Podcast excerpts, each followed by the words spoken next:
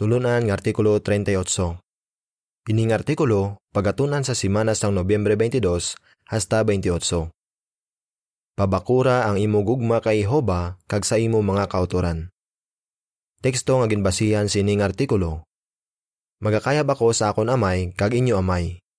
Juan 20:17. Ambahanon 3. Amon kusog, amon paglaom, amon pagsalig. Ang binagbinagon sa sining artikulo, Nalipay gid kita nga bahin kita sang pamilya nga nagapalanggaanay sa isa kag isa. Gusto naton tanan nga magbakod pagid ang aton gugma sa aton mga kauturan. Paano naton inihimuon? Dapat naton ilugon si Jehova sa iya pagpakita sang gugma sa aton. Dapat man naton ilugon ang halimbawa ni Jesus kag sang aton mga kauturan. Para po uno, pamangkot, ano ang pwede nga mangin kang tanan sang matutom nga mga tawo kay Jehova? Nagasimba kay Jehova ang tanan nga miyembro sang iya pamilya. Nalakip sa ila si Jesus nga amo ang panganay sa tanan nga tinuga, kag ang madamo nga anghel. Kolosas 1.15 Sang hari si Jesus sa duta, kinsiling niya nga pwede kabigon sang matutom nga mga tawo si Jehova bilang ila amay. Sang nagapakigambal si Jesus sa iya mga disipulo, gintawag niya si Jehova nga akon amay kag inyo amay. Juan 20:17. Kagsang nagdidikar kita kay Hoba kag nagpabautismo, nangin bahin kita sang pamilya nga nagapalangganay sa isa kag isa. Para po dos, pamangkot, anong binagbinago naton sa sining artikulo? Nabudlayan ang iban nga kabigon si Hoba nga isa ka migugmaon nga amay. Mahimo nga nabudlayan naman ang iban kung paano ipakita ang gugma sa ila mga kauturan. Sa sining artikulo, Binagbinago naton kung paano kita ginabuligan ni Jesus nga kabigon si Jehova nga isa ka mahigugmaon nga may. Kag pwede kita manginsuod sa iya. Tunan man naton kung paano naton mailog si Jehova sa pagpakita sang gugma sa aton mga kauturan. Gusto ni Jehova nga manginsuod ka sa iya. Para po tres, pamangkot, paano makabulig sa aton ang pangamuyo nga gintudlo ni Jesus para manginsuod pagid kita kay Jehova? Si Jehova isa ka may gugmaon nga may. Para kay Jesus, si Jehova isa ka mapinalanggaon nga ginikanan nga mahapos palapitan. Kag hindi siya pareho sa isa ka diktador. Gusto ni Jesus nga mumansini ang pagkabig naton kay Jehova. Makita naton ini sa gintudloan ni Jesus ang iya mga disipulo kung ano ang dapat nila ipangamuyo. Sa umpisa sang pangamuyo, nagsiling siya, Amay namon. Mateo 6, 9.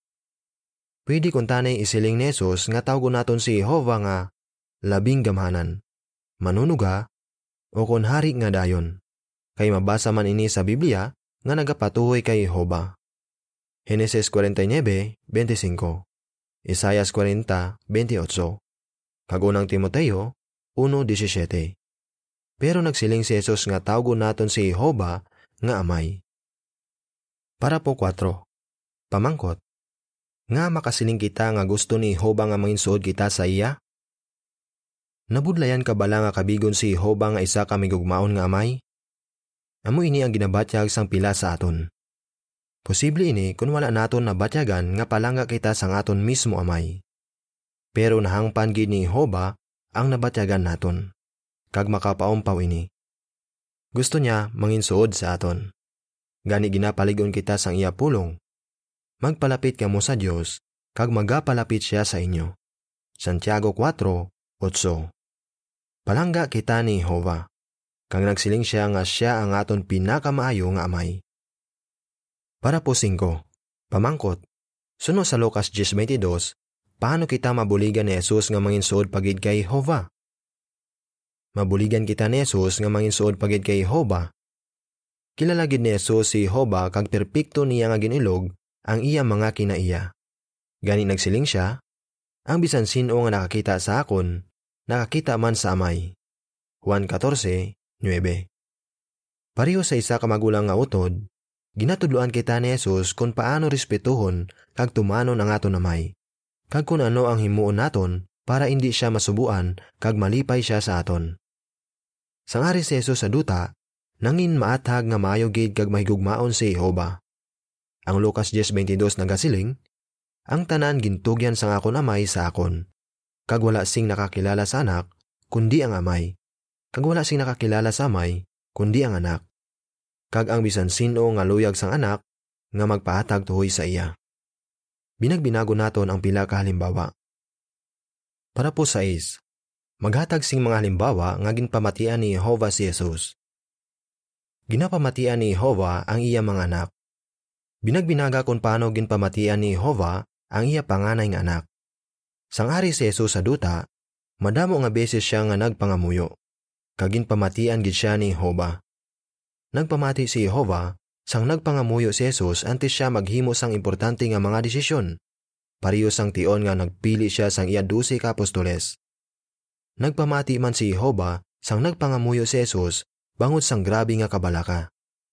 Antes si Jesus ginluiban ni Judas, hanuot siya nga nagpangamuyo sa iya amay, parte sa mabudlay nga pagtilaw nga iya maeksperiensyahan. Magluwas nga ginpamatian ni Jehovah ang pangamuyo ni Jesus, nagpadala pagid siya sang isa ka anghel para pabakuron ang iya pinalangga ang anak. Ari ang patag sa picture nga gingamit para sa parapo sa is. Nagpadala si Jehovah sang isa ka anghel para pabakuron si Jesus sang ara siya sa hardin sang Getsemani. Ang kapsyon sini nga picture nagasiling. Mahigugmaon nga amay si Jehovah, gani ginpadala niya ang isa ka anghel para pabakuron ang iya anak. Para po siyete, pamangkot, ano ang nabatyagan mo kay ginapamatian ni Jehovah ang aton mga pangamuyo?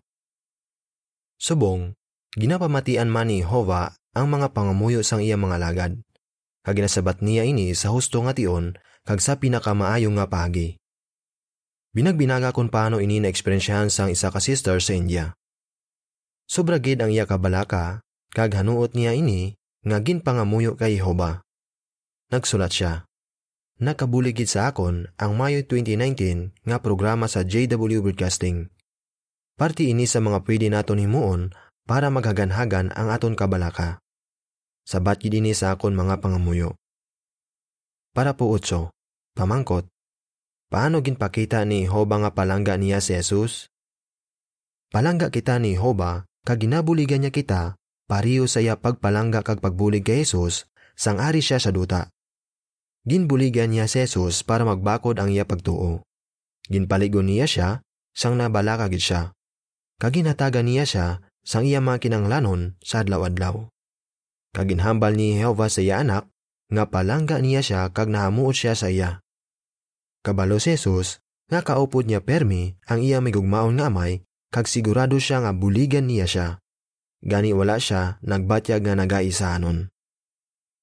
Para po nyebe, Pamangkot, nga masiling naton nga palangga kita ni Hova? Pariyo kay Jesus, nabatyagan man naton nga palangga kita ni Hova, kag ginapakita niya ini sa madamo nga pagi. Binagbinaga ini.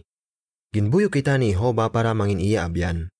Kag ginhatagan niya kita sang isa ka ni usa nga pamilya, nga nagapalanggaanay sa isa kag isa, kag nagapaligon sa aton, kung nabalaka kita. Bangod sini, nalipay gid kita. Ginahatag man ni Jehovah ang tanan nga kinahanglan naton para magbakod ang aton pagtuo. Kaginabuligan niya kita sa aton material nga mga kinahanglanon sa adlaw-adlaw. Kung pamalandungan naton ang pagpalangga ni Jehovah sa aton, mas palanggaon pagid naton siya. Iluga si Jehovah sa pagpakita sang gugma sa imo mga kauturan. Para po Jess, pamangkot, ano ang matunan naton sa pagpakita ni Jehovah sang gugma sa aton mga kauturan? Palangga ni Jehovah ang aton mga kauturan. Pero kung kaisa, mahimo nga nabudlayan kita nga palanggaon sila, o kung mahimo nga nabudlayan kita nga ipakita nga palangga naton sila. Kay man, lain-lain ang aton kultura o kung gindakan. Kag tanan kita makahimo sang sala, nga posible magpasubo sa iban kag magpalain sang ilabuot. Pero may mabulig kita para mapabakod naton ang aton gugma sa isa kag isa. Paano? pagi sa pagilog sa aton amay sa pagpakita sang gugma sa aton mga kauturan. Binagbinago naton kung ano ang matunan naton sa halimbawa ni Jehovah. Para po unse, pamangkot, paano ginilog ni Jesus ang mapinalanggaon nga kaluoy ni Jehovah? Nagapakita si Jehovah sang mapinalanggaon nga kaluoy. Lukas 1:78. Nabalaka ang maluluyon nga tawo kung makita niya nga nagaantos ang iban. Kag nagapangita siya sang paagi para mabuligan sila kag maumpawan. Ginilog ni Jesus si Jehovah sa pagpakita sing kaluoy sa mga tawo. Isa kabes, sang makita ni Jesus ang mga tawo, naluoy siya sa ila kay ginpanitan sila kag nag-alaplaag kangay sa mga karnero nga wala sing manugbantay. Mateo 9:36 Wala lang si Jesus nagbatyag sing kaluoy sa ila. Ginbuligan pagid niya sila. Ginayo niya ang mga masakiton kag ginbuligan niya ang mga ginabudlayan kag ginabugatan. Mateo 11:28 hasta 30 Para 12. Pamangkot, paano naton mapakita ang kaluoy sa aton mga kauturan? Para mapakita naton ang kaluoy sa aton mga kauturan, dapat naton huna-hunaon kung paano sila naapektuhan sang ilang mga problema. Halimbawa, ibutang tanga may malala nga balatian ang isa ka sister. Wala gid naton siya nabatian nga nagsiling nga nabudlayan siya. Pero posible gid nga malipay siya kung may magbulig sa iya. Nabuldayan bala siya sa pag-aman sa mga kinanglanon sa iya pamilya? Basi pwede kita makaluto para sa ila o kung makabulig sa pagpaninno sa ila balay. O kung ibutang ta, nga nadulaan sang obra ang isa ka brother. Basi pwede kita makahatag sang kwarta sa iya, nga makabulig sa iya samtang nagapangita pa siya sang obra. Pwede kita makahatag nga wala nagapabalo, nga halin ini sa aton. Para po 13 kag 14. Pamangkot, paano kita mangin maalwan pareho kay Jehovah? Maalwan si Jehovah. Hindi na naton pagulaton nga mangayo sing bulig ang aton mga kauturan, antes naton sila pakitaan sing kaluoy. Buligan naton sila, antes pa sila mangayo sing bulig. Pareho sang ginahimo ni Jehovah. Kada adlaw, ginapabutlak niya ang adlaw, kag hindi na kinahanglan nga pangabayon pa naton siya. Kag makabinipisyo ang tanan sa silak sang adlaw, pati na ang mga wala nagapasalamat sa iya.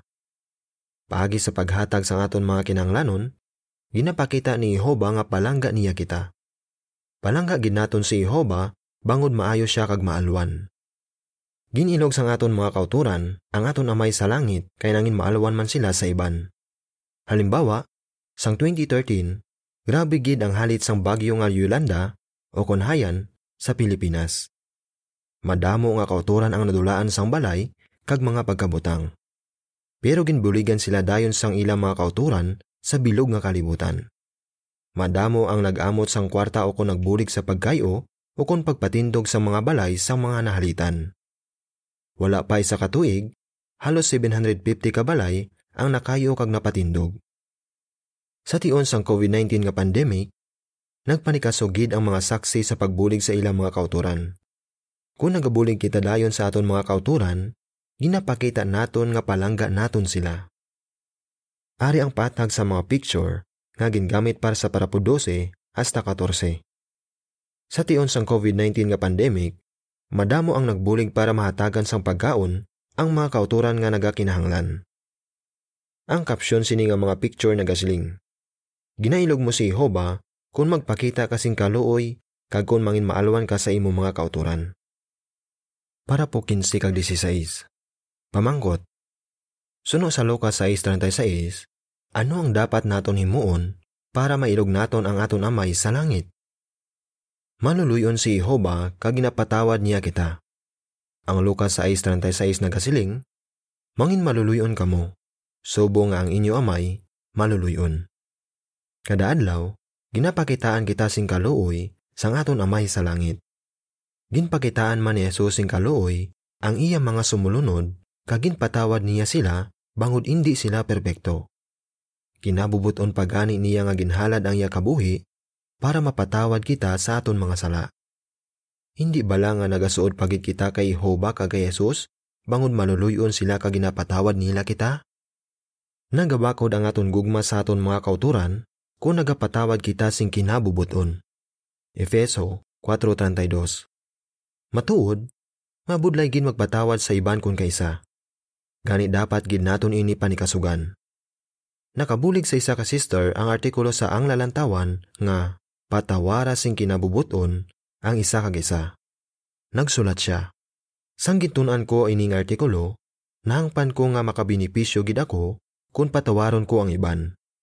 Ginpaatag sini nga kung handa ka magpatawad sa iban, hindi bot silingon nga ginakonsinti mo ang ila malaing nga ginhimo o kung wala ka sini ginaapektuhan. Pero kung patawaron mo sila, ginapakita mo nga hindi ka naakig sa ila. Gani, magatawhay ang imuhuna-una. Kung kinabubuton naton nga ginapatawad ang aton mga kauturan, ginapakita naton nga palangga naton sila, kag ginailog naton ang aton amay nga si Jehovah. Magpasalamat nga bahin ka sang pamilya ni Jehovah. Para po 17. Pamangkot. Suno sa Mateo 5.16, paano naton mapadunggan ang aton amay sa langit?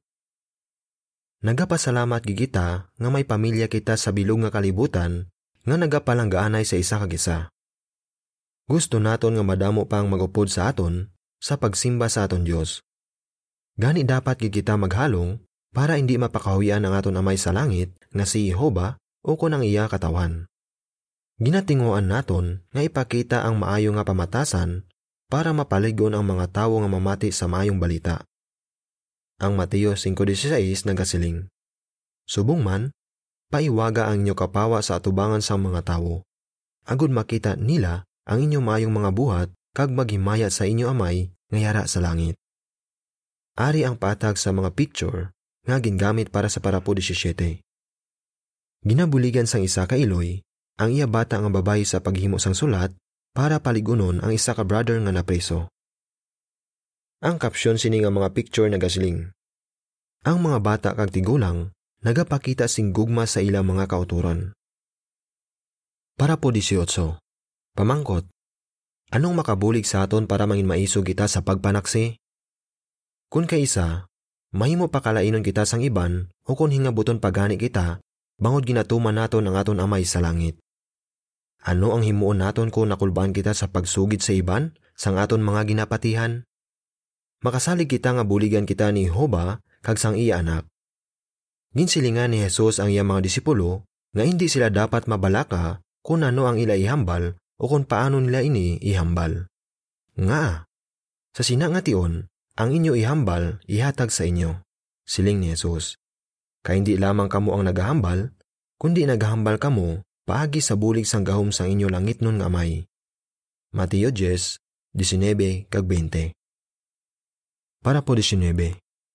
Maghatag sing halimbawa sang isa nga nangin maisog sa pagpanaksi. Binagbinaga ang halimbawa ni Robert. Sang bago pa lang siya naga-Bible study, kag jutay pa lang ang iya nabalaan sa Biblia, Ginpatawag siya sa korte sa South Africa para ipahatag sa huwis kung nga hindi siya magsoldado.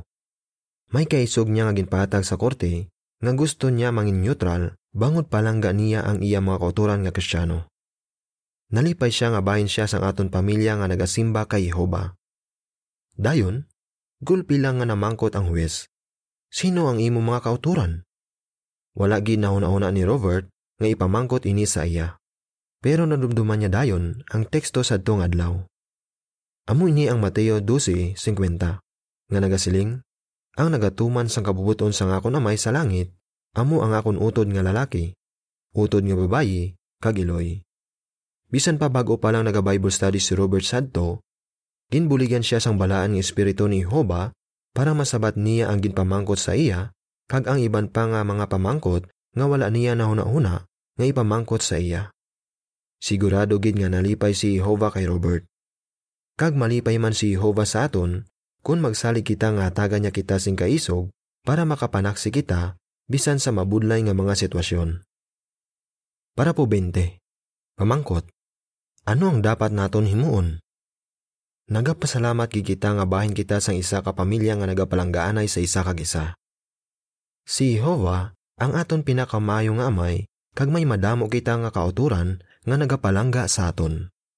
Dapat gid naton ini pabaluran. Ginatinguhaan ni Satanas kag sang mga nagasunod sa iya nga magduha-duha kita nga palangga kita sang aton amay sa langit. Ginatinguan man nila nga gubon ang aton paghiusa.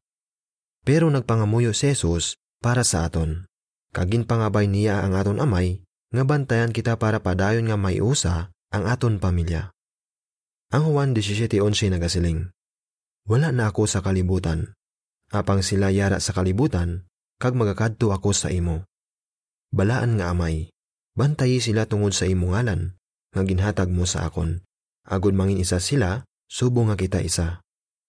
Ang bersikulo 15 nagasiling, Wala ako nagapangabay nga kuhaon mo sila sa kalibutan, kundi bantayan mo sila bangod sa isang malauton. Ginasabat ni Jehova ini nga pangamuyo. Pareho kay Jesus, hindi gid kita magduha-duha nga palangga kita sang aton amay sa langit kag buligan gid niya kita. Ganit dapat naton panikasugan nga pabakuron pagid ang aton gugma kay Jehova kag sa aton mga kauturan. Ano ang imo sabat? Nga masiling mo nga si Jehova isa ka mahigugmaon nga may? Ano ang pila ka paagi nga mapakita naton ang gugma sa aton mga kauturan? Paano naton mapakita nga nagapasalamat kita nga bahin kita sang pamilya ni Jehova? Ang bahanon 99. Madamo nga kauturan. Diri natapos ang artikulo.